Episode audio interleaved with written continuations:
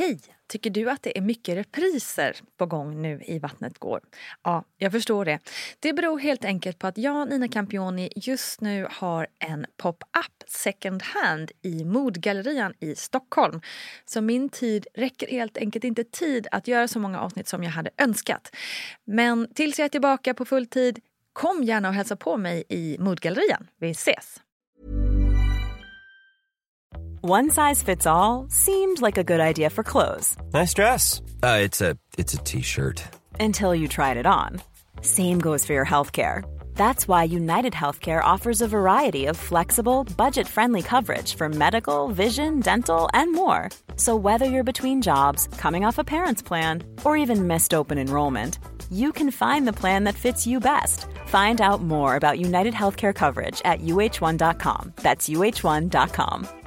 This is Paige, the co-host of Giggly Squad, and I want to tell you about a company that I've been loving, Olive and June. Olive and June gives you everything that you need for a salon quality manicure in one box. And if you break it down, it really comes out to $2 a manicure, which is absolutely insane. It's also so easy to get salon worthy nails at home with Olive and June. The difference between how your nails used to look when you did them yourself and now with the Manny system is a complete game changer. The best thing about Olive and June too is it's a quick dry, dries in about one minute, lasts for five days, and full coverage in up to one to two coats. Visit oliveandjune.com slash perfect Manny 20 for 20% off your first system. That's oliveandjune.com slash perfect Manny 20 for 20% off your first system. Quality sleep is essential. That's why the Sleep Number Smart Bed is designed for your ever evolving sleep needs. Need a bed that's firmer or softer on either side? Helps you sleep at a comfortable temperature? Sleep Number Smart Beds let you individualize your comfort so you sleep better together. JD Power ranks Sleep Number number 1 in customer satisfaction with mattresses purchased in-store. And now, save 50% on the Sleep Number limited edition Smart Bed for a limited time. For JD Power 2023 award information, visit jdpower.com/awards. Only at a Sleep Number store or sleepnumber.com. Hiring for your small business? If you're not looking for professionals on LinkedIn, you're looking in the wrong place. That's like looking for your car keys in a fish tank. LinkedIn helps you hire professionals you can't find anywhere else, even those who aren't actively searching for a new job but might be open to the perfect role. In a given month, over 70% of LinkedIn users don't even visit other leading job sites. So start looking in the right place. With LinkedIn, you can hire professionals like a professional. Post your free job on linkedin.com slash people today. Alltså det ser ut som att han är på ett bårhus och fotar. Alltså jag, det ligger ett lik där bakom. Liksom. Sju dubbelhakor och helt kritvit. Ja men man ligger ju helt utfläkt och bara brösten åt olika håll. Alltså, typ. vad fan, liksom, vad har hänt här? Ja. Hallå kära lyssnare och välkommen till ännu ett avsnitt av Gravidpodden Vattnet går med mig Nina Campioni. Så roligt att ni också har tagit nya formatet VG-ploggen till era hjärtan. Och jag vill verkligen uppmuntra er nu att tipsa om ämnen som ni kanske är lite extra intresserade av. Allt som rör graviditet och förlossning men också tiden efter. Amning och föräldrarollen och så vidare. Ah, det mesta helt enkelt. Det är ju så att jag kan nästan allting som Lotta på Bråkmackan skulle sagt. Eh, hur mycket det stämmer vet jag inte, men vi säger så. I detta avsnitt möter vi Eskilstuna-bon Sofia Wernersson som är marknadsdirektör och mamma till sonen Frank. Och hon var med om ett spännande fenomen där verkan helt enkelt avtog så fort hon satte foten innanför receptionen på förlossningen. Vi går också in på ämnet adoption och hur det kan påverka känslorna inför sin egen graviditet. Som vanligt har vi också barnmorskan Gudrun Abascal med på en härlig tråd. Nu kör vi!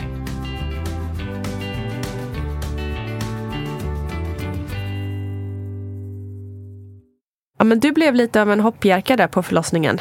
Ja. kan man säga. Väldigt ofrivilligt. Ja. Vi ska ju såklart komma in närmare på det sen. Men jag tänkte jag hinta lite om, om detta fenomen, kan man mm. nästan kalla det. Uh, men vi börjar från början, som vi brukar göra i den här podden. Hur gick dina tankar kring det här med att skaffa barn i livet? Ja, bra fråga. Um, jag är adopterad, um, så en aspekt för mig var ju att jag faktiskt aldrig någonsin haft en riktig släkting i mitt liv. Nej. Alltså en med blodsband. Varifrån när du adopterade? Sri Lanka. Eh, och jag var två månader när jag kom till Sverige.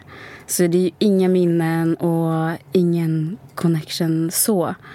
Ehm, så på ett sätt så fanns det ju en längtan av att få känna, alltså hur känns det? Är det annorlunda?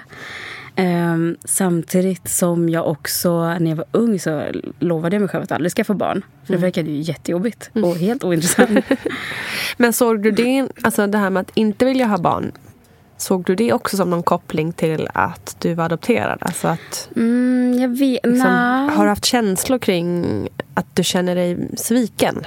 Förstår du mitt, min Ja, men, tanke? och, svek är ett sätt att se på det. Samtidigt så jag har nog valt att se på det som någonting positivt. Att jag, eh, det jag vet om min biologiska mamma var att hon var ung och att hon var ogift. Eh, och Sri Lanka ligger ju extremt långt efter Sverige. Eh, och det här är 30... ah, gud, snart 35 år sedan. Så gammal är jag. Eh, och, eh, Så ung menar du? Ja, men så ung är jag. Eh, och nej, men det var ju det var en helt annan grej. Såklart. Där. Eh, så jag tror inte att varken hon eller jag hade blivit accepterad av samhället om Nej. hon hade valt att behålla mig. Så egentligen så är det här en tjänst. Mm. Ehm, och jag har nog... Eh, det är först när jag fått ett eget barn som jag faktiskt förstår vad hon har, vad hon har gjort. Eller jag kan, nej, jag kan faktiskt inte förstå hur hon klarade att... Men jag gissar att man kanske redan från början har sitt mindset på att det här kommer aldrig bli mitt barn. Eh, jag kommer aldrig ha det här barnet hos mig. Om man verkligen inte ser något val. Liksom. Ja, ja, men precis. Så. Men som sagt, det är helt omöjligt, speciellt för mig som inte alls har några erfarenheter av det här, att sätta sig in i det. Men det måste vara helt fruktansvärt. Ja, nej men det går verkligen inte att föreställa sig. Det gör det inte. Ehm, men så jag, nej jag vet inte. På ett sätt, ibland har jag också tänkt att jag själv vill adoptera barn. Just det. Ehm, men det var nog när jag var yngre. Ehm, men sen så väcktes nog en längtan av att, att faktiskt någon gång i livet få känna, eh, få känna hur det känns. Ja, så. Jag tror också jag har längtat efter att ha, att ha någon som liknar mig. Jag har alltid Just känt mig det. som ett ufo. Eh, jag uppväxt också i ett litet samhälle på 500 personer. Och eh, nej men gud, det fanns ju inte ens en mörkhyad i, Nej. i krokarna. Liksom. Ehm, så det, och det har nog också varit en längtan som växt sig starkare och starkare. Sen att mitt barn är typ kritvitt och nästan blont, det är en helt annan sak. Vad hände liksom? Ja, det är Ja. konstigt det där, hur, hur det blir så. Ja. Eh, Men jag tänker just så här när man blir gravid och alltså som du redan har eh, varit inne och, och nämnt här nu. eh, Då blir det ju väldigt, i alla fall för mig och för många andra som jag har pratat med här i podden, att man verkligen så här reflekterar mycket mer över hur ens mamma var, ens pappa var när man var liten och vilken förälder man själv vill bli och så vidare. Och liksom, nu har ju du en mamma och pappa. Eh, men då inte din, liksom, din biologiska... Du vet, alltså, förstår du vad jag menar? Ja, hur, gick, hur, hur gick tankarna där med, med så här, undra var jag har fått de här sakerna ifrån? Liksom, Ja. Förstår du? Nej, men absolut. Och det är också lite speciellt för att min mamma, som jag då kallar min mamma, som är min adoptivmamma, hon, hon har ju själv inte varit gravid. Eh, så Just det. jag har liksom inte kunnat ringa henne och fråga men hur kände du? Eller vad var liksom, de här tecknena? Så, så att där blir det också lite... Eh, det blir en annan grej. Ehm, men jag, jag reflekterar nog mycket över den här känslan av att gå och bära på någon och hur man faktiskt knyter an till någon i magen. Ehm, man kan också lite relatera till att, att man väljer att stänga av den känslan. Så, eh, jag vet inte säkert själv, men jag misstänker att hon ganska tidigt, min biologiska mamma, visste att eh, det här är inte ett barn jag kommer behålla. Och jag, jag tror att enda sättet är att stänga av känslor. Att försöka att inte tänka på det. Så en spark en spark, men ja. Att man inte försöker fundera så Att mycket inte på tillåta vem... sig att knyta an. Liksom. Nej, men precis. Men så blev du gravid i alla fall. Hur, var det, hur, var det, hur var er resa med det? Um, oj, det var... Det var, alltså det var väldigt... Det finns ju också... Det var, det var väldigt blandat. Um, vi hade konstaterat att vi nog ändå ville... Jag hade liksom nått till den punkten att ja, men jag vill nog jag vill nog ha barn. Um, och sen så hade det hänt väldigt mycket i mitt liv. Jag var med i Konstnärsdrömmen, ett tv-program på SVT. Uh, och uh, vi gjorde en inspelning och sen så liksom... Man, det hände mycket kring det. Jag hade utställningar, jag var artist in resident på ett hotell. Och, um, det hände så mycket och sen när allt det där stannade av så vad gör jag med mitt liv mm. just nu? Vad är meningen med mitt liv? Någon sån här posttraumatisk eh, grej. Så eh, och eh, jag, när jag analyserat mig själv i efterhand så tror jag att det var då någonstans jag kom fram till att jag nog gärna vill ha ett barn och att jag faktiskt var redo för det. Mm. Eh, men sen när det väl hände så tror jag att jag mer eller mindre förnekade att jag var gravid.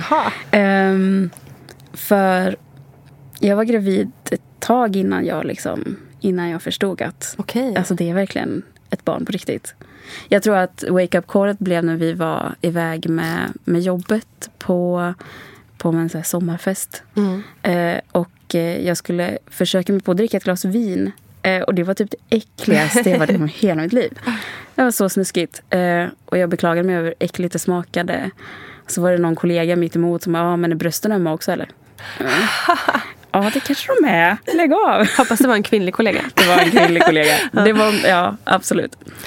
Men alltså, vad, hur långt gången var du då? då? Um, jag vet inte, men det var ju det var ju ett gäng veckor in. Ja. ja. Och jag, för jag hade, min första mens fick jag, alltså jag fick en mens som inte var en mens. Okej. Okay. Eh, ja, ja, just det. Det finns ju någon sån här eh, fest, vad heter det? festblödning eller vad det heter. Ja, när, partyblödning eller? Nej. ja, exakt. festlig blödning. Men, eh, en väldigt festlig blödning. Äh. Som, nej, men när um, fostret liksom fäster, ja. eller embryot fäster. Det här får vi fråga om. Ja. Vad innebär en festblödning och får alla det? En festblödning, ja vi inom professionen kallar det för nidblödning så ni kan kika på båda delarna. Men det är när det befruktade ägget fäster i livmoderslemhinnan. Och det brukar ske någonstans mellan, vad brukar man säga, 7 till 10 10-14 veckor efter liksom, befruktningen. Så det, det, kan se lite olika ut, men eh, så är det. Och varför vissa får, får det och andra inte, eh, det vet man inte. Vad man kan tänka på är att ofta så är det en liten blödning som är, kan vara lite slemklubbande. Men det är en liten blödning, kan komma på menstid och så vidare. Det är bara att avvakta och se vidare.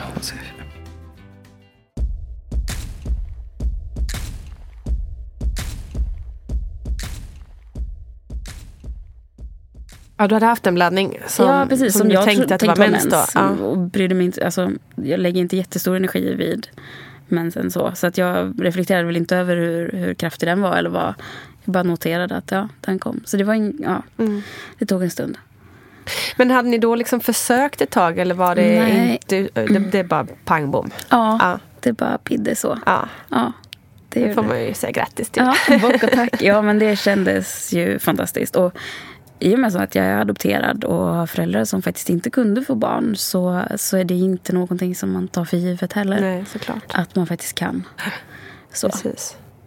Mm. Har du pratat med, apropå det, för det är ju väldigt många, det är ju en extremt stor sorg för väldigt många. Har du pratat med din adoptivmamma, din mamma då, mm. eh, om det? Någonting? Mm, ja men, vi har pratat om det. Um, jag vill minnas att hon någon gång nämnt också att hon, att hon, att hon tog, min mamma tog för givet att det var, att det var problem med henne och att hon, mm. menar, ja, jag kan inte och Eh, det är nog rätt vanligt att kvinnor tar på sig skuld, ah. skulden inom citationstecken. Ja, absolut, mm. skuld. Eh, nästan upplevt att hon, att hon gjorde det. Eh, sen, min pappa har en, en tarmsjukdom och äter medicin och eh, troligtvis är det kopplat till, till det. Så. Ja, det, är, usch, det är hemskt att man ska behöva gå med skuld samtidigt som man är jätteledsen över ja. något. Ja, men i alla fall, du, du var gravid då. jag var gravid. Vinet var inte gott. Nej. Hur, hur mådde du som gravid? Alltså jag älskade att vara gravid. Mm. Jag tyckte det var helt underbart. Jag hade en så bra graviditet. Um, alltså lite morgonsickness så. Uh, nu är det ett och ett halvt år sedan så jag kanske har förträngt allt det tråkiga. Men um, Jag tyckte det var så skönt att slippa mens också. Den här PMS. Alltså jag Mm. kan vara ganska PMS idag med. Och det är så tråkigt. Ont och gnällig och sur. Och Ja. liksom, jag känner av det. Men, men jag var som i ett konstant ägglossningsmode. Jag var, mådde så bra liksom. Och var, ehm, jag var så lugn. Mm. Alltså jag, jag och min sambo, det var inte många argumentationer under de nio månaderna. Alltså. Gud vad härligt. Ja, det var fantastiskt. Jag var också helt inställd på att jag skulle bli ett hormonmonster. Mm. Jag hade nog räknat med att jag skulle bli psycho. Men nej, det var fantastiskt. Ja. Gud vad härligt. Ja, Grattis till det också. Ja, men vad skönt att höra. För att nu eh, uppmuntrar jag ju alla kvinnor att klaga så mycket man kan för att få den hjälp man ska Ja, men behöva. Mm. Men det är ju fantastiskt att höra någon som verkligen trivdes i sin graviditet och, Ja. och tyckte om det. Ja, men jag gjorde Sen så, mot slutet här så hade jag ju jag hade ont och sen så hade jag... Eh, jag fick, jag tror det var i vecka oh, kanske 23 eller något sånt där. Som jag fick någonting som nu i efterhand känns nästan lite som förverkar. Det liksom kom som en kraftig mensvärk. Eh, dök upp i en minut, släppte, kom tillbaka några minuter senare. Ehm, då satt vi i bilen, vi pendlade eh, mellan Eskilstuna och Stockholm. Och satt i bilen på vägen till jobbet tidigt. Alltså klockan var kanske halv fem på morgonen. Eh, och, eh, och jag liksom började känna det här. Och det kändes inte alls bra. Eh, och vi var ganska nära Huddinge sjukhus, jag tror jag. Ja. Eh, så vi svängde in där och bara, men vi måste kolla upp det här. Och det är jag väldigt glad över att vi gjorde, även om de liksom inte hittade något. Alltså de kunde inte konstatera vad det var. Och det släppte och kom faktiskt inte tillbaka. Men Så det var bara liksom en engångsföreteelse? ja, jag tror att de konstaterade att livmodertappen hade krympt lite grann eller gått... Eh, ja, men dragit sig tillbaka en liten sväng. Men det stannade kvar sen där. Så det blev ingen värre. Så, Det var ju skönt det. ja men verkligen. Men eh, hade du något annat? Alltså jag tänker, hade du några cravings eller? eh, I början så åt jag citron som om det var apelsin. Alltså det var så gott med citron. Alltså du Sura var saker. liksom verkligen en hel Ja, jag åt klyfta in i klyftor. munnen. Ja, ja, visst skalade den och åt den som en apelsin. Eh, lime. Hur kommer man ens på att liksom, mm, en citron ska jag testa idag? Jag har i och för sig alltid tyckt om citron. men jag har inte ätit det som apelsin. Men, nej, jag, nej, men jag visste att jag sura saker ville jag ha. Men det var i början och det var bara några få veckor. Sen har vi gick det till kål. Eh, Kål? Av alla Ah. olika slag. Gud. Det var blomkål och broccoli och alltså, ah, kål, Så jäkla nyttiga cravings. Ja, Det är good. ju super. Sådana Ja. skulle man ju ha till vardags känner jag. Ja, verkligen. Det hade varit Men, jättebra. eh, Fast det slutade sen va? Nu är Typiskt. det mer choklad. Ja, ja, men då, då fick den mycket järn och bra grejer. Ja, men jag, jag har haft, eh, jag har haft järnbrist ganska, alltså, men så länge jag kan minnas. Ja. Så jag kan tänka mig att det är något alltså kroppen känner säkert Ja. att... Den är Ja, ju smart ibland. ja men verkligen. Mm. Sjukt coolt. Men ska vi börja närma oss eh, ditt due date då? Yeah. Så får du take it away helt enkelt. Ja, herregud. Jag tror att vi var ganska nära. Undrar om det kanske vart samma dag som jag var beräknad. Eh, jag, hade, ja, jag avslutade min graviditet med att få världens influensa. Jag var, ja, men jag var så jäkla sjuk. Det, var liksom, det kändes som ett skämt. Jag, kunde, jag tappade min röst eh, och låg liksom bara hostade mig nätterna igenom. Sov i princip ingenting. Sämst uppladdning liksom. Ja, verkligen. Och alla pratade om att men, passa på att vila. Och, Mm, ja, men, det. tjena. Nej, men, så det blev ingen vilande. Och eh, ja, men, jag sov på soffan. Eller sov. Jag satt upp och tyckte synd om mig själv i Mm. soffan. Eh, för att låta Fredrik, min sambo, sova en smula. typ. Så jag satt upp i soffan och tittade på tv och liksom låg där och hostade. Eh, och sen en natt ehm, så ja, men jag hade väl slumnat till lite och vaknar av en hostattack. Och i hostattacken så liksom känner jag hur det bara, alltså hur det blir blött. Jag bara, men det här är så förnedrande. Kissar jag på mig nu också i den här stackars försiktigheten? Men nej. Insåg ju ganska snabbt att det här är ju inte, alltså det är ju vattnet som går. Och det var rejält och det var ganska mycket. Jag tog täcket liksom och bara så här bullade upp mellan benen och försökte ta mig till toaletten. Um, ropade på Fredrik och eh, men blev så exalterad. Kände att äntligen nu kör vi liksom. Eh, och det var ju då vattnet som gick. Och jag var ju... Jag hade ju förberett mig genom att lyssna på den här podden. Och jag blev väldigt så här informationstörstig liksom, när, det, när det hände stora grejer i mitt liv som jag kan läsa mig in på. Så jag hade liksom Eh, ja, men jag visste ju ungefär att många, liksom, första sekunden tänker man kissade jag på mig nu? Och Ja. sen inser man att nej, men det är vattnet. Och jag visste liksom vad jag skulle tänka på för att kunna konstatera att det var det. Um, jag visste också att jag skulle ringa um, sjukhuset och kolla läget. Så jag gjorde det. Ringde förlossningen och sa att jag tror att mitt vatten har gått. Så de var lite skeptiska. De var, Jaha, så, men det är första gången för dig. Ja, ditt vatten har gått, säger du. Mm. Har, har slemproppen gått in? Alltså här, att de, var, de var lite skeptiska. Sådär. Ja, men ville gärna att jag skulle komma in för en kontroll. Då. Får jag fråga, jag har faktiskt aldrig varit i Eskilstuna. Mm. Men hur bor man? Har man långt till förlossningen? Eh, vi har inte Eller långt hur till- bor man? Hur Alla bor väl man? inte likadant, Man bor i hyddor. Nej, men ute på landet. Eh, Men jag tänker liksom hur, hur det ligger. Nej, det är en ganska är det- liten stadskärna. Eh, Så de flesta har, alltså man har nära till allt. Ja. Mm. Vilket är ganska skönt. Och vi dessutom bor, vi bor på rätt sida stan. Vi har, ju, alltså vi har kanske tre minuter till sjukhuset. Ja, perfekt. Så det var, och jag tror att det också är lite till varför jag också åkte fram och tillbaka som en Mm. skottspole. Hade jag haft långt så hade de nog låtit mig stanna. Eh, men först så skulle de ju bara kolla om det var en Mm. vattenavgång och jag hade inga verkar.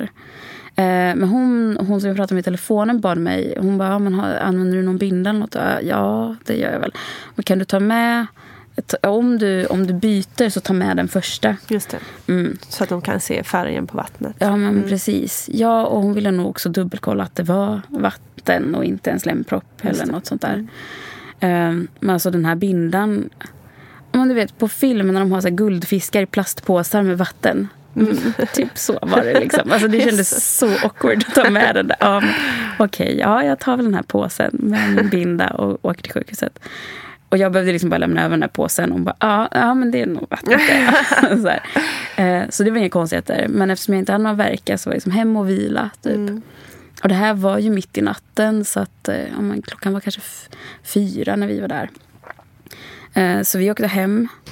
Men alltså, man har ju så mycket adrenalinpåslag Ja, och liksom, herregud. man svila. Nej, det går ju inte. Nej. Lägga sig och sova då liksom. Nej, nej det hände ju inte. Ehm, nej, och sen så eh, på morgonen där så ville jag bara fördriva tid liksom. Så vi åkte och shoppa eh, och åkte till Tuna Park och strosade runt på stan där. Eller ja, det är en galleria. Vad jag inte visste var att vatten kan ombildas. Eh, och det fick jag upptäcka typ inne på H&M. Ombildas? Mm, Aha. jag vet inte riktigt, men Okej. liksom det Att fyller det tar liksom på. inte slut typ. menar du? Nej, Just det. det fyller på. eh, och jag vet inte varför, men jag, för jag, jag hade liksom inte läckt någonting i princip. Jag, för jag, hade, jag hade en binda, men det var liksom ingen fara. Mm. Men sen inne på H&M så är det som om vattnet går igen, typ. Oh shit. Ja, Det var jätte... Mycket liksom. Ja, det var mycket. Oj, det var rejält. Jag hade som du var en liksom, klänningstunika på mig. Ja. Eh, och tjocka strumpbyxor under. Så att, ja. ja, jag fick ta mig till toaletten och liksom typ fylla, fylla underkläderna med papper och åka hem. Typ. Vad härligt. det var lite speciellt. Vad innebär ombildat vatten? Också en ny grej som jag har fått lära mig om ombildat vatten. Jo, det är ju så här att, att fostervattnet förnyas ju ständigt inne i livmodern under hela graviditeten. Du kan ju tänka själv Nina, om det vore samma fostervatten under nio månader, hur skulle det lukta när det kom ut? Så att det är väldigt smart av naturen att ordna så att ungefär tre fyra timmar så är det nytt, nytt fräscht fostervatten som har ombildats för att barnet sväljer och kissar ut och sen går det och på det viset tillbaka till moderkakan och en kvinna som rengör det här och så kommer det bildas det, bildas det nytt igen då från moderkakan och barnet och så vidare. Så det är väldigt smart.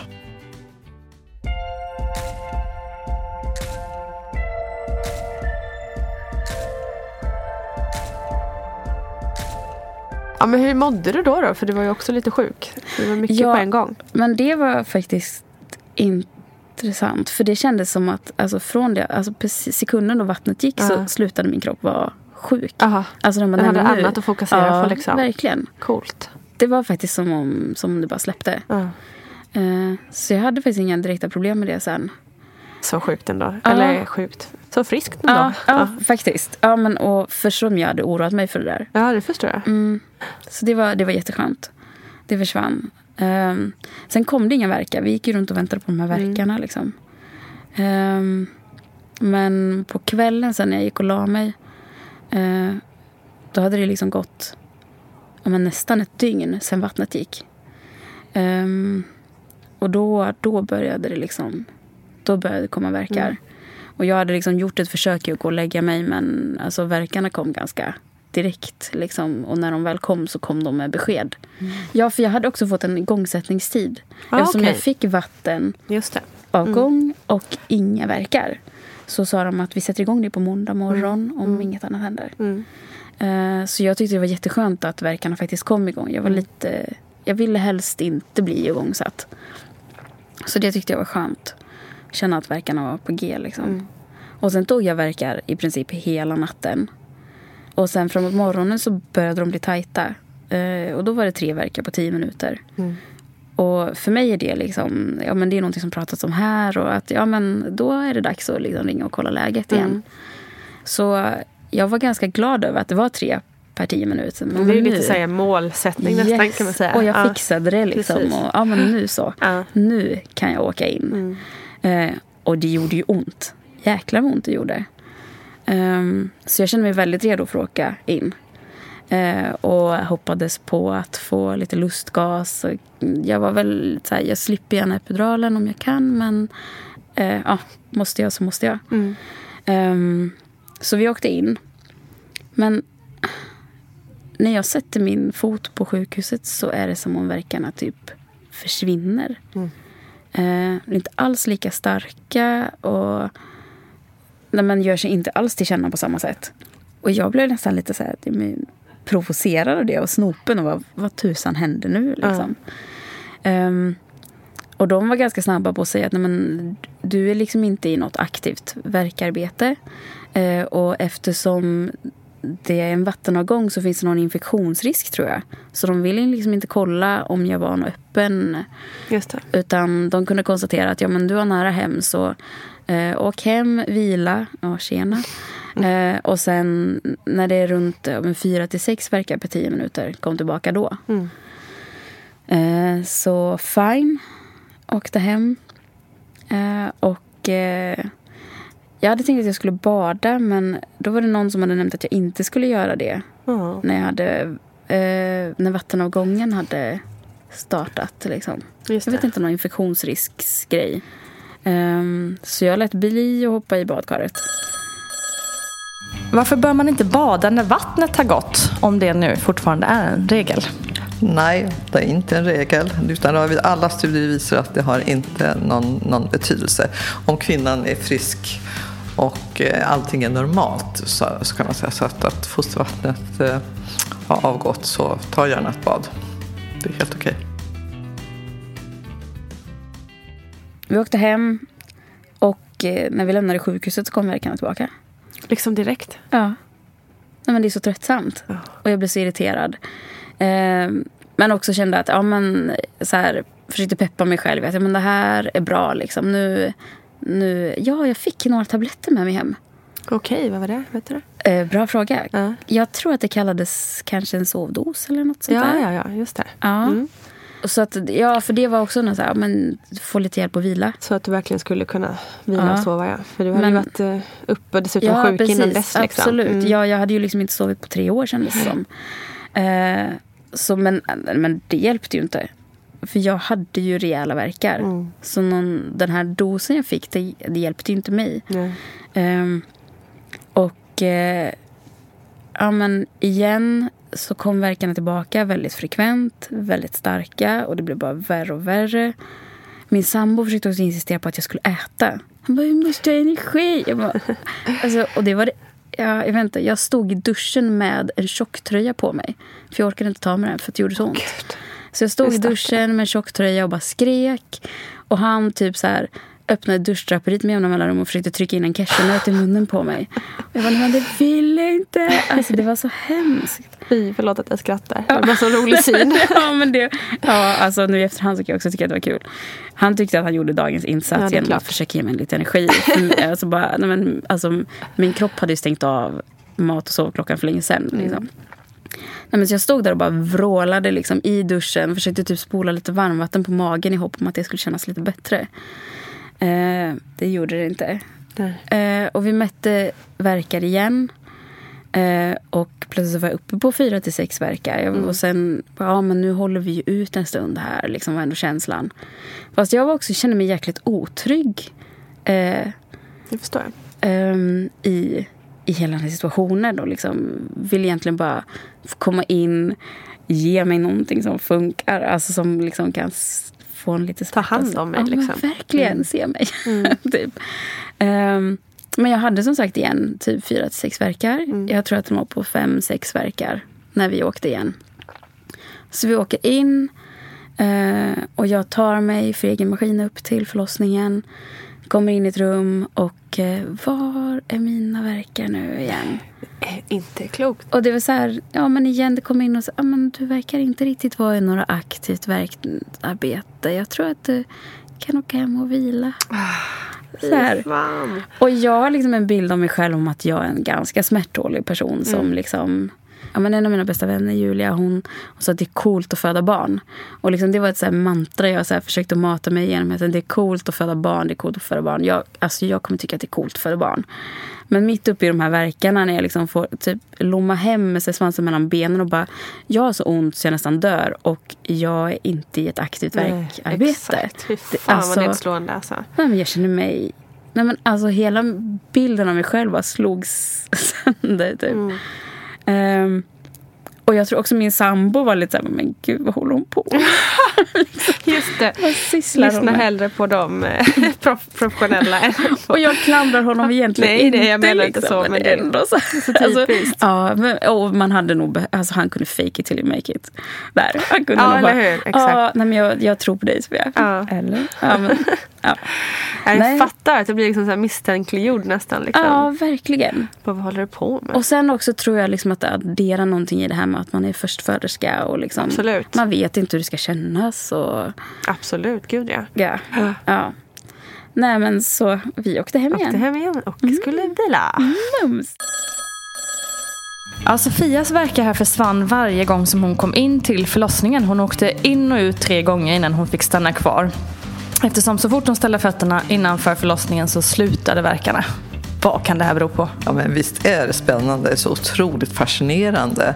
Att det här, och då kan man ju undra vad gör vi för fel på förlossningsklinikerna som gör att kvinnor stänger av sitt förlossningsarbete när de kliver in. För det är faktiskt inte så ovanligt det här. Att, och jag tycker det är så tråkigt för då står kvinnan och säger ja, jag hade så bra verkan när jag skulle åka in och de var faktiskt, jag ska försöka försvara det där. Men hallå, gör inte det. För det här är ett fenomen som har visat sig att det beror på att oxytocinet det här verkstimulerande hormonet som man producerar under verkarbetet, det kan man dämpa väldigt mycket när man då frigör mera eh, stresshormoner som, som eh, kortisoler och så vidare. Och det är så att när man kommer in och så står man, då kanske det går, shit liksom, va, nu är jag här. Och så måste man kanske, det är så mycket nytt och man måste pejla läget. Så det blir biologiskt sett en automatiskt där, nej nu måste jag stänga av verkarbetet för jag måste få koll på läget och vem ska jag träffa och hur, ska, hur kommer det bli och så vidare. Så, här. så att eh, det tråkiga tycker jag är att just kvinnor får en känsla att det är deras fel medan det kanske är vi, vårt mottagande som det handlar om. Att om vi skulle kunna vara mycket trevligare och mjukare och ta emot på fint sätt så skulle det då inte behöva sjunka så. Och därför så brukar jag säga att det här om nu verkarna stannar upp här så behöver man inte åka iväg hem på en gång. För ja, min erfarenhet är att men stanna kvar och gå runt några timmar, känna efter hur det känns, så kommer de att komma tillbaka istället för att flänga fram och tillbaka på det där viset. Eller åtminstone känna, vad är rätt för mig att göra? Vill jag åka hem eller vill jag vara kvar och boa in mig? Jag tror ju mycket på det här på att boa in sig, för då kommer, då kommer verkan tillbaka, stresshormonerna sjunker och oxytocinet drar igång. Yes, varsågod och föda. Så.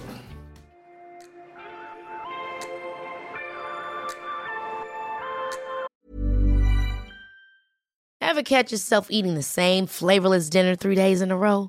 Dreaming of something better? Well, Hello Fresh is your guilt-free dream come true, baby. It's me, Gigi Palmer. Let's wake up those taste buds with hot, juicy pecan-crusted chicken or garlic butter shrimp scampi. Mm.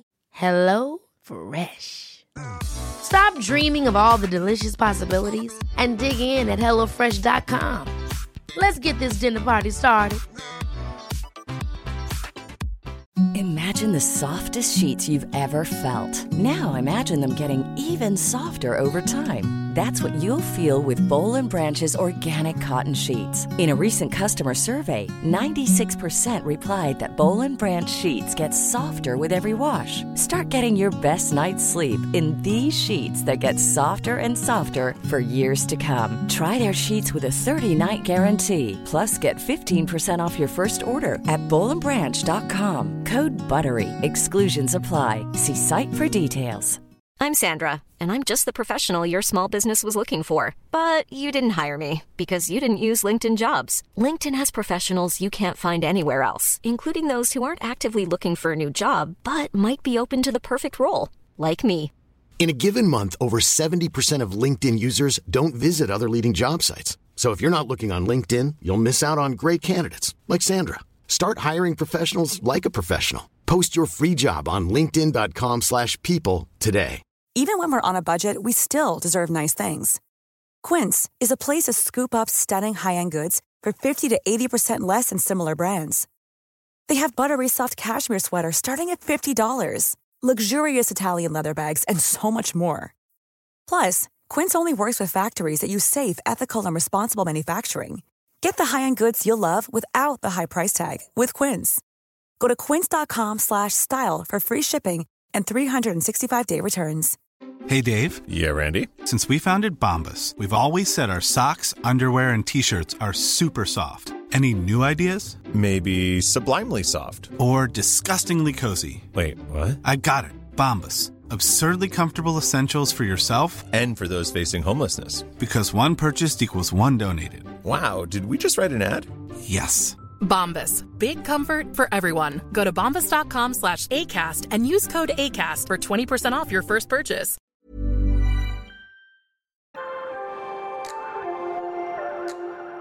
Ja, så vi åkte hem igen.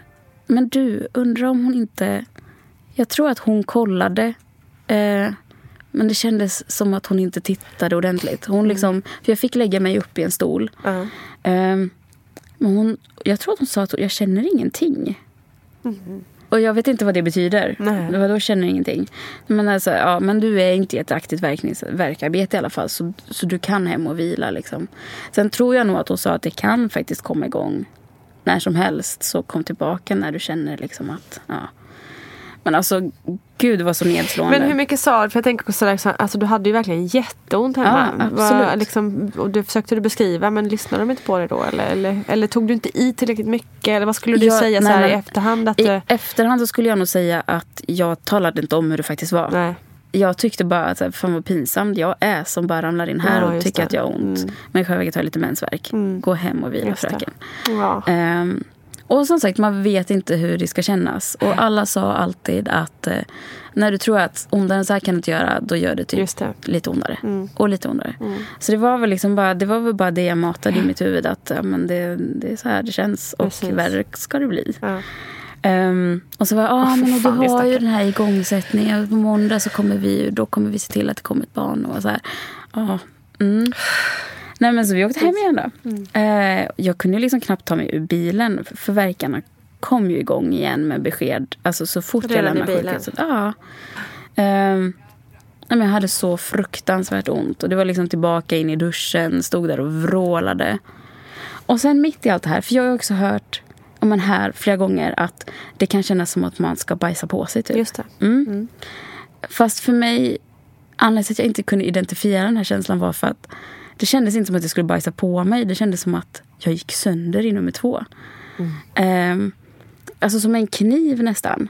Jag bara, nej men har jag gått och fått hemorrojder nu här också? Ja, mitt liv hade varit enkelt om jag bara kunde fått föda barn. Men nej, jag ska vara influensa och va? Har jag hemorrojder också? Vad är det här?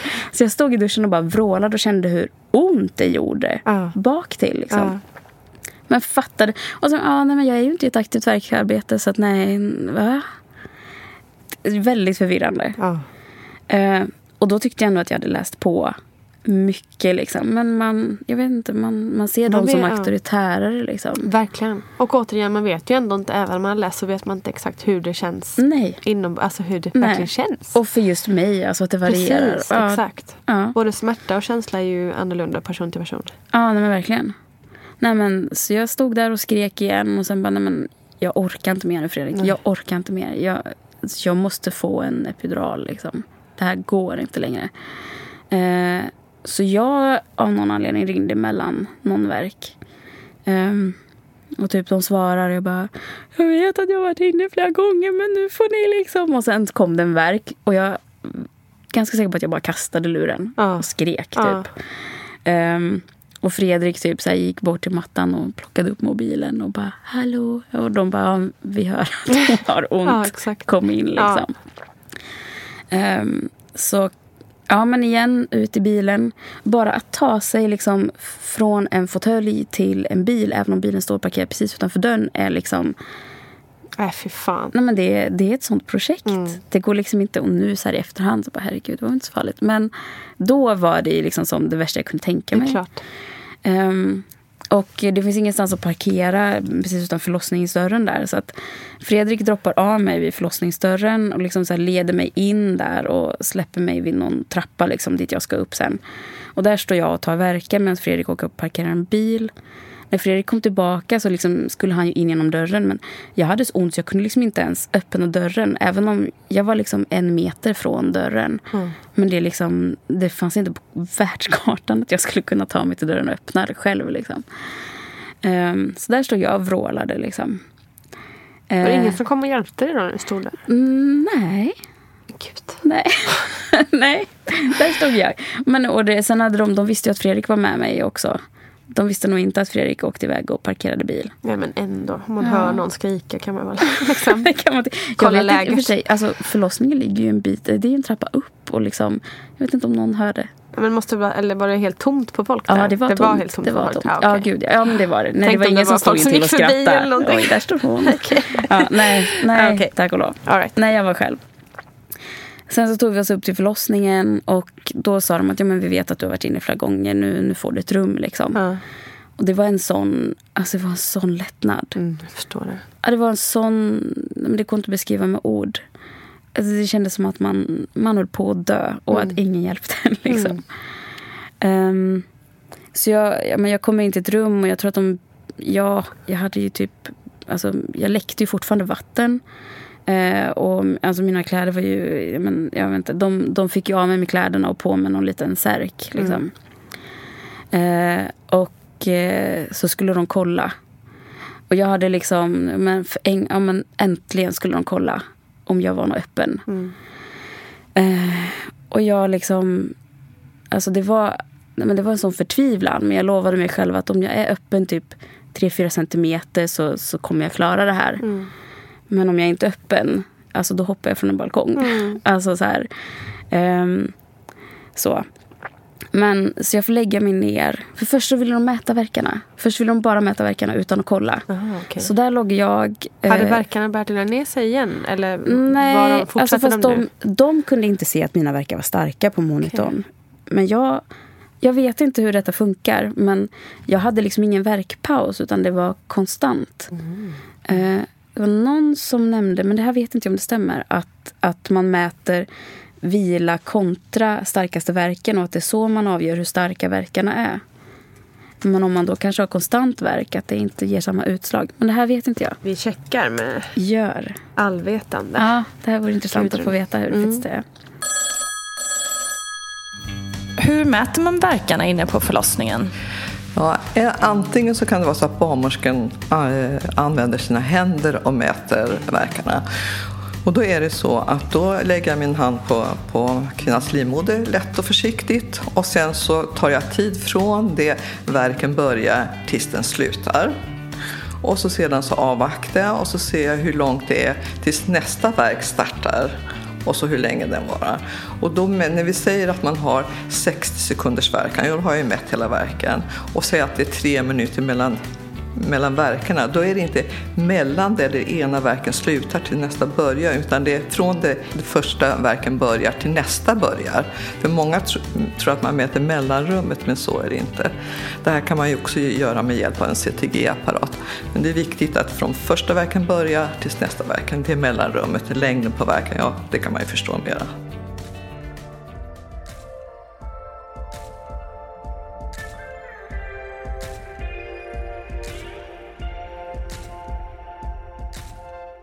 Men alltså, nej, de märkte... Alltså, de såg, alltså, jag hade verkan men det såg inte ut som att de var så, så vassa. Liksom. Ja. Så det gör ju en också helt förtvivlad. Mm. Alltså vad fasen, tänk om jag inte är öppen alls då. Alltså, då kommer jag dö. Så knäckande. Ja. Men, och jag låg där och de skulle mäta verkar i typ 20-30 minuter sa de.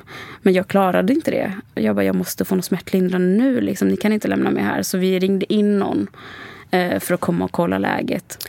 Så det kommer in en, eh, en barnmorska och ska kolla eh, om jag är öppen. Så hon börjar liksom, ja, hon bara, ja. Um, jag vet inte riktigt hur hon formulerar sig. Men det jag hör är typ, du är inte öppen alls. Och jag bara, nej men det, alltså det finns... Oh, så här, jag bara, jag tror att jag skrek rätt ut. Det var, mm. liksom, det var så här, va? Hon bara, nej nej, alltså förut när du var inne så var du nog inte öppen alls. Nu sitter jag inne på världens bästa hemlighet. Och det är att du är fullt öppen och ditt huvud på väg ner här. och det var liksom... Snacka om från liksom förtvivlan ja, alltså, till superhopp. Jag börjar nästan grina när jag tänker på det. För att det var liksom, alltså det var en sån enorm lättnad. Och Alltså det blev en sån mental high five till mig själv också. För fan, jag klarade det här. Mm. Och jag har gjort allt det här hemma själv. Helt liksom. själv. Och man inser också att det här liksom onda, ja men det var ju, alltså det är krystverkar jag sen den senaste tiden. Liksom. I bilen kände jag krystverkar. I hallen innan vi åkte därifrån kände jag krystverk. Ja. Innan jag åkte hemifrån. Det var krystverkar hela tiden. Um, hon, bara, ja. hon sa att huvudet var på väg ner men att det var jag vet inte hur det funkar, om det är något, något litet spinn kvar. Eller liksom, det var inte Precis, hela riktigt. genom spinaltappen. Precis, och det var, liksom, det var nära men det var... Ja, det liksom, ja, men vi pratade några minuter till. Liksom. Mm. Så då frågade någon om jag ville upp och stå lite. Eh, och kanske få lite lustgas. Eh, så för epiduralen, det var ju liksom... Det var ju länge sedan den hade varit aktuell. Ja.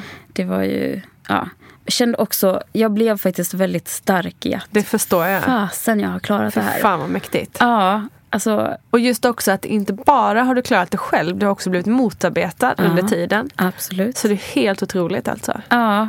Ja, ja, efteråt så är jag så stolt över mig själv. Det förstår jag, det ska du vara. Ja. Verkligen alltså. Ja, gud. Nej, men så jag kom upp och stod, jag stod liksom på någon sån här liten håll, alltså, mm. ja, stod och höll mig i någonting som höll mig uppe liksom. Eh, och Fredrik sprang och hämtade äppeljuice. Jag hade liksom varken ätit eller druckit på... Äppeljuice och en nöt? Ja. alltså de här jäkla nötterna. Men det är mitt tips till alla som har en förlossning på G. Att så här, ha, ha någonting hemma som går att äta som flytande föda. Mm. som kan ge lite energi. Mm. för Alltså att få en torr nöt i munnen. Mm. Nej, fy alltså. Ja. Eh, nej, men så jag stod där och... Alltså, har du sett The Ring? Nej. Jag ja, det. Nej, okay. Det är liksom alltså hon, det lilla monstret. Jag kan inte kolla på skräckfilm. Jag, jag, kan inte sova på flera veckor. Okay, ja, jag är i och för sig lite lika samma. Men jag hade liksom kolsvart långt hår som hade blivit helt spikrat. Ja, ja, jag har sett bilder på det. Jag såg ut som henne. Jag stod i en så vit särk och bara growla, typ så här. Alltså jag var helt förstörd. Och de, alltså mitt hår liksom bara hängde i ansiktet på mig. Och barnmorskan bara, har du har en hårband med dig som vi kan liksom få upp ditt hår? Typ. Ja. För jag stod där och growlade med liksom the ring-looken. Jag bara, nej, inga hårband. Uh, och så, så skickade, alltså jag tror att det var liksom fyra, fem sköterskor som var liksom ute på avdelningen och letade hårband åt mig medan jag stod och growlar. Och sen så kom de tillbaka och skulle, någon infart, får man det? Ja, det brukar man ju få. Eh, det här behöver jag också fråga. Det kan inte jag. Varför? Varför sätter man en så kallad infart på ovansidan av handen? Ja, och med infart då menar du att det är en kanyl eller en nåd som man sätter i handen för att kunna ge läkemedel eller dropp eller verkstimulerande medel. Jag tror att, att många väljer att sätta den i handen därför att det kanske enklast att komma åt. Jag tycker själv, är min erfarenhet nu tillbaka till den igen, att det är bättre för kvinnan att jag inte sätter den på själva handen utan jag sätter den på underarmen att hitta ett bra kärl. För då kan kvinnan röra på handen mycket mera med tanke på att byta förlossningsställningar när det är dags att börja krysta. För sätter jag den här kanylen då på underdelen av armen då kan hon ju böja och fränga runt med den hur mycket som helst. Så att, men vi gör olika och eh, jag rekommenderar att sätta den där. Det är också mindre ont faktiskt. Man har färre smärtreceptorer där än vad man har på själva översidan av handen. Och sätter man en infart på alla födande kvinnor eller? Nej, alltså i princip så tror jag på det ser också olika ut från klinik till klinik. Det har gått i vågor tycker jag. Ett tag så skulle alla ha det och så sa man nej, man sätter det när det behövs, att vi ska vara så skickliga snabbt. Men idag tror jag nog att merparten nog får. Men jag tycker att det är ett individuellt ställningstagande. Behövs den eller inte? För det är, jag tror att de flesta av oss som blir utsatta för det inte tycker att det är så kul att gå omkring det. Man känner sig kanske lite sjukare och tänker att det kan hända farliga saker. Så att jag tycker att individuell ställning var man, när man gör det.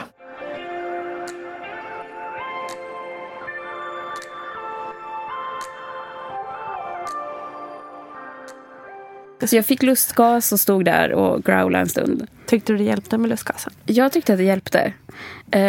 Och jag har hört många som säger att, att de inte tycker att det hjälper när man liksom väl kommer till krystverkar och liknande. Jag hade en väldigt låg dos av lustgas också. Men jag misstänker att det kanske har att göra med att jag faktiskt inte hade tagit någonting innan. Ja, precis. Du så jag gick ju... från liksom max ja. till att få en liten lindring och då den lilla gjorde skillnad. Liksom. Ja, precis. Få äppeljuice istället för cashewnöt. Underbart. Ja. Så high maintenance ja, alltså. verkligen. Life. Ja, nej men eh, jag stod där en stund och sen kändes det faktiskt som att det liksom hängde någonting mellan benen som liksom var på väg ut. Men nu, nu kommer han liksom. Um, så, så vi ringde på barnmorskan. Och jag hade ju liksom inte varit inne många minuter då. Från det liksom att de har liksom plockat in mig, kollat att eh, ja, du är öppen och klar. Liksom, uh. och upp och stå en liten stund.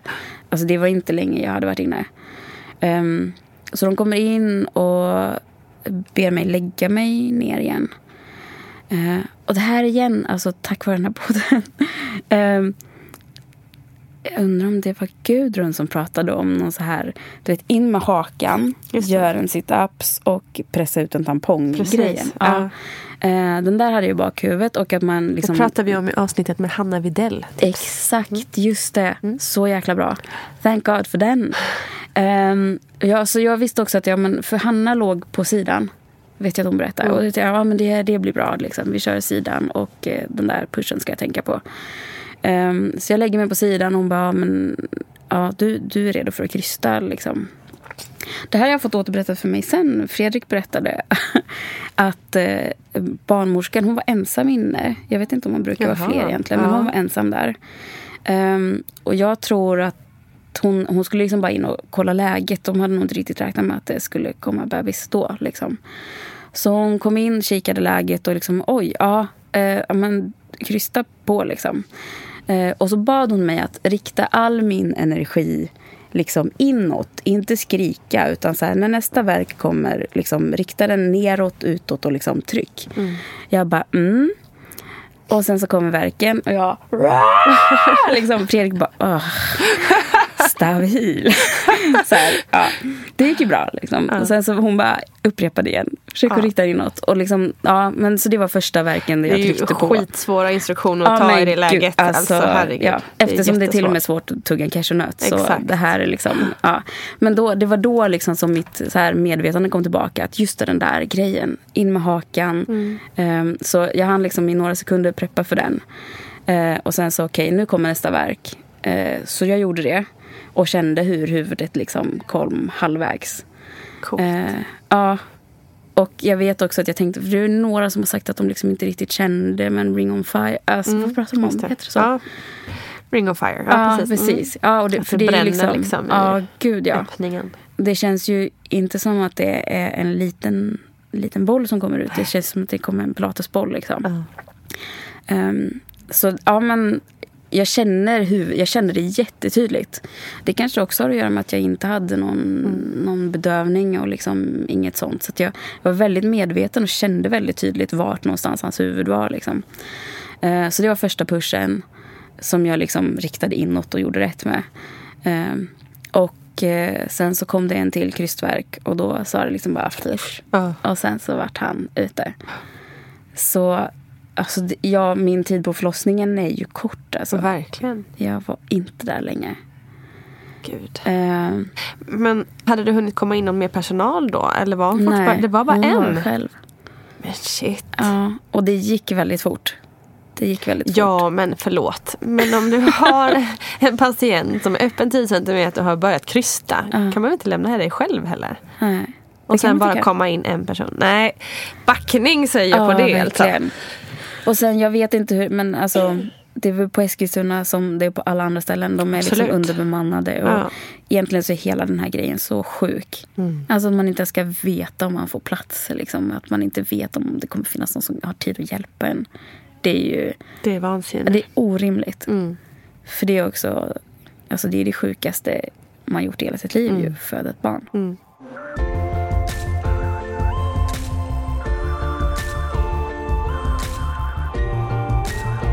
Hur kändes det då när du väl fick upp honom?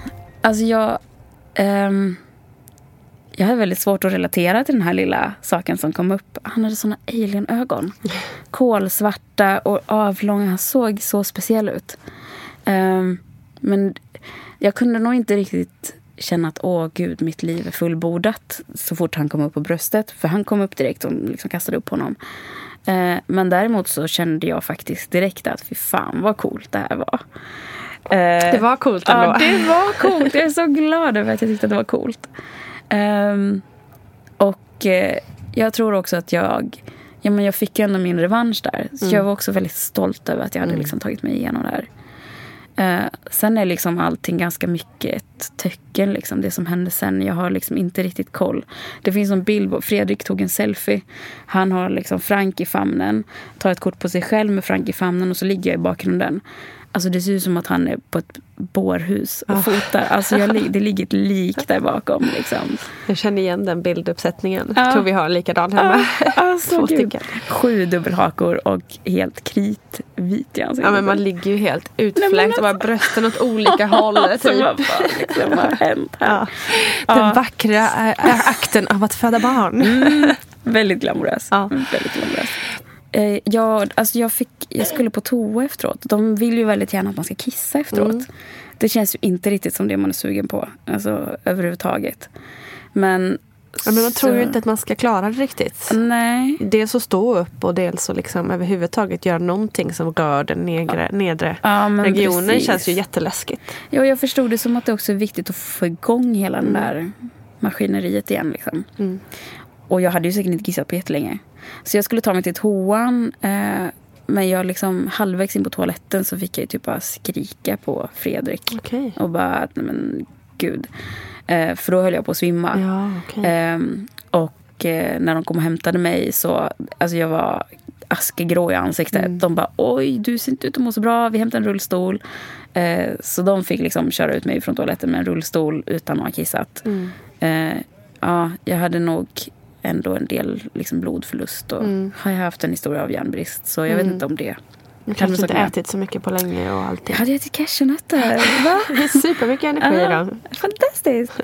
Åh gud. Nej, nej, men precis. Man var ju Mm. inte askaxig Mm. liksom. Ehm, så nej, men någon körde upp oss till, till BB sen. Och då fick jag sitta i rullstol eh, och kunde liksom inte ta mig på ett tag. utan jag okej. var liksom ganska... Ja. När började du känna att du liksom back to life då? Gud. Ja, alltså han är ett och ett halvt. Jag vet inte, kanske snart på väg tillbaka. Alltså, nej, men det är så sjukt. Alltså, man är ju så oförberedd på vad som, Mm. vad som ska hända sen. Men jag hade faktiskt ganska ont rätt länge. Mm. Jag sprack ju en del. Men nu är klassat som en tvåa. På en fyrgradig skala. Ja. Mm. Eh, men fast jag hade problem med det och det gjorde ont många månader efteråt. Okej. Jag var livrädd för att göra nummer två också. Ja. Livrädd för att trycka liksom. Mm. Ehm, så jag men, så här, åt alla Katrinplommon jag hittade på Ica typ. Och liksom var verkligen lite så här, noga med att försöka liksom, att tänka på vad jag käkade och att jag inte skulle behöva krysta ut något mer. Så. Inga fler pilatesbollar? Nej tack. Ehm, nej, men, så det tog faktiskt flera månader innan jag kände att jag var liksom, okej Mm. eh, med att gå på toa. Alltså att det, för det, liksom varje gång jag satte mig på toastolen så var det liksom som att det bara gled isär. Liksom. Det är inte alls skönt. Um, Obehaglig känsla. Ja, verkligen. Jag var inne och kollade det faktiskt. Ja, men kanske typ två, tre veckor efter. Mm. För då gjorde det fortfarande orimligt ont. Eh, så då åkte jag in och kollade läget. Och eh, då plockade de några stygn som liksom hade blivit kvar. Så, för stygnen ska ju typ försvinna av sig själv. Mm. Och det gör de ju inte riktigt alla gånger. Och i det här fallet så var det något stygn som liksom behövde plockas. Som satt lite, som satt och drog liksom. Ja, okej. Ehm, och när det väl försvann så, så kändes det faktiskt mycket bättre. Okej. Så det skulle jag faktiskt uppmuntra alla till att inte gå och vänta med det där. Nej, det är precis. Och det är väl ganska vanligt att vi kvinnor gör också Ja. alldeles för länge. Ja. Både kring det här men också kring många andra saker. Ja. Att vi sätter oss själva i sista hand alltid. Ja, verkligen. Mm. Bra Ja, att du för- gjorde det. Ja. ja, men för det är ju också så här, alltså att man ska, för då skulle jag skulle få igång amningen liksom. Mm. Och att så här, mitt i natten, jag hade svårt att sätta mig upp. Och att sitta i sängen när det var mjukt så kändes det också som att det drog i stygnen. Och sätta mig upp och liksom få tag i ett barn och man är liksom så här Mm. helt alltså, överkörd hela kroppen. Och liksom försöka amma honom och hantera stygnen och liksom hantera sömnbristen. Och, alltså, Mm. gud vad trasig man är. Det är tungt. Ja, det är tungt. Fy fanken alltså. Ja, verkligen. Starka kvinnor, Ja, som alltså, sagt. Hade sån respekt. Alltså, jag, har sån respekt. Men alltså, just när man är i det där. Alltså, varenda gång jag såg en mamma på stan så ville jag typ så gå fram och krama henne och Mm. säga att hon var min hjälte. Liksom. ja. Så är det ju. ja, verkligen. Verkligen. Hur gick det med amningen då? Det gick, eh, det gick helt okej. Alltså, det, är ju en, det är ju en process. Liksom. Mm. Och där också i och med att jag är adopterad så var det, det, liksom, det gick inte att ringa mamma och fråga Nej, hur hon gjorde. Um, det var också så här, jag, jag har hört att um, man så här, ersättning ehm, att det kan liksom bidra till ett så starkare sötsug och liksom övervikt. Och jag har inte en aning om det stämmer. Nej, det vet faktiskt inte jag heller. Ehm, men jag är ju själv uppväxt på det. Just det. Ehm, och eh, vad var det så här, mm, ja, jag kan skylla mitt sötsug på det. Fan vad skönt, tänkte jag. Nej, men så jag var väldigt så här, jag ville väldigt gärna få amningen att funka och kände att det skulle vara en fin connection med mitt barn. Och, och det är liksom, man får ju kämpa på lite liksom. Eh, det tar ju en stund att få igång det. Ja, det är bra att ha, veta innan. Att det Ja. inte var någonting som sker automatiskt oftast. Nej. Nej. Nej men precis. Nej men så, men det, det kom igång. Sen så, Frank eh, har varit väldigt hungrig alltid liksom. Och åt väldigt mycket. Men jag helade ganska länge, typ till han var ett halvår drygt. Mm. Eh, och sen när vi väl gick över till mat så var han ju hur taggad som helst på det. Han var fett trött på bröstmjölk. så, ehm, men det, så han var jätteglad att få äta vanlig mat. Men han gick upp väldigt bra. Och liksom, så att jag, ja, har nog ingenting att klaga på där egentligen. Skönt. Mm. Du, innan vi avslutar, har du någonting du vill tipsa om eller ge råd kring när det gäller saker som du har upplevt? Oj, Om det är ja, någon som men- kommer i samma situation som du. Ja, men det, alltså, jag hade inte en aning om att smärta, liksom att de här verkarna kunde avta. Och jag tippar på att de avtog just för att jag plötsligt kände mig trygg när jag liksom kom till sjukhuset. Och att liksom, ja, men nu äntligen kanske någon kan Mm. hjälpa mig här. Eh, och att jag troligtvis gjorde dem värre genom att spänna mig när jag var hemma Mm. och var otrygg och, och rädd. Liksom. Så alltså, jag skulle ändå vilja uppmuntra till att liksom bli kollad och se till, alltså stå på dig. Liksom. De har faktiskt inte alltid 100% koll, även om de ofta är jätteduktiga och har bra koll. Så alltså, man känner sin kropp själv också. Mm. Verkligen. Man måste lita på att, att kroppen faktiskt ja, men har koll på vad den gör. Liksom. Bra slutord. Mm. Tack så mycket. Tack själv. Tusen tack Sofia Wernersson för din intressanta och något oväntade historia ändå om när Frank kom till världen. Jag hoppas att ni alla också gillade det och att ni nu går direkt till Facebook och blir medlemmar i Vattnet Gårds mammagrupp där. Släng gärna en kommentar också på Instagram när ni ändå är igång. Eh, kanske ni kan önska gäster eller teman som ni vill lyssna till eller bara säga hej och hå. Allt är välkommet. Kram på er, vi hörs på torsdag.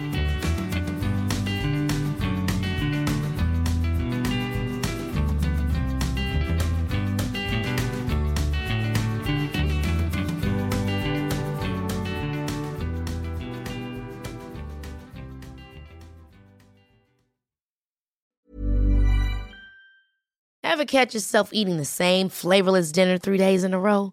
Dreaming of something better? Well, HelloFresh is your guilt-free dream come true, baby. It's me, Gigi Palmer. Let's wake up those taste buds with hot, juicy pecan crusted chicken or garlic butter shrimp scampi. Mm. Hello Fresh. Stop dreaming of all the delicious possibilities and dig in at HelloFresh.com. Let's get this dinner party started. Hi, I'm Daniel, founder of Pretty Litter. Did you know cats tend to hide symptoms of sickness and pain? I learned this the hard way after losing my cat, Gingy. So I created Pretty Litter, a health monitoring litter that helps detect early signs of illness by changing colors, saving you money and potentially your cat's life. Pretty Litter is veterinarian developed, and it's the easiest way to keep tabs on your fur baby's health right at home. Go to prettylitter.com and use code ACAST for 20% off your first order and a free cat toy. Terms and conditions apply. See site for details. Imagine the softest sheets you've ever felt. Now imagine them getting even softer over time. That's what you'll feel with Bowl and Branch's organic cotton sheets. In a recent customer survey, 96% replied that Bowl and Branch sheets get softer with every wash. Start getting your best night's sleep in these sheets that get softer and softer for years to come. Try their sheets with a 30-night guarantee. Plus, get 15% off your first order at bowlandbranch.com. Code BUTTERY. Exclusions apply. See site for details. Hey, it's Paige DeSorbo from Giggly Squad. High quality fashion without the price tag. Say hello to Quince. I'm snagging high-end essentials like cozy cashmere sweaters, sleek leather jackets, fine jewelry, and so much more. With Quince being 50 to 80% less than similar brands. And they partner with factories that prioritize safe, ethical, and responsible manufacturing. I love that. Luxury quality within reach. Go to quince.com slash style to get free shipping and 365 day returns on your next order. Quince.com slash style.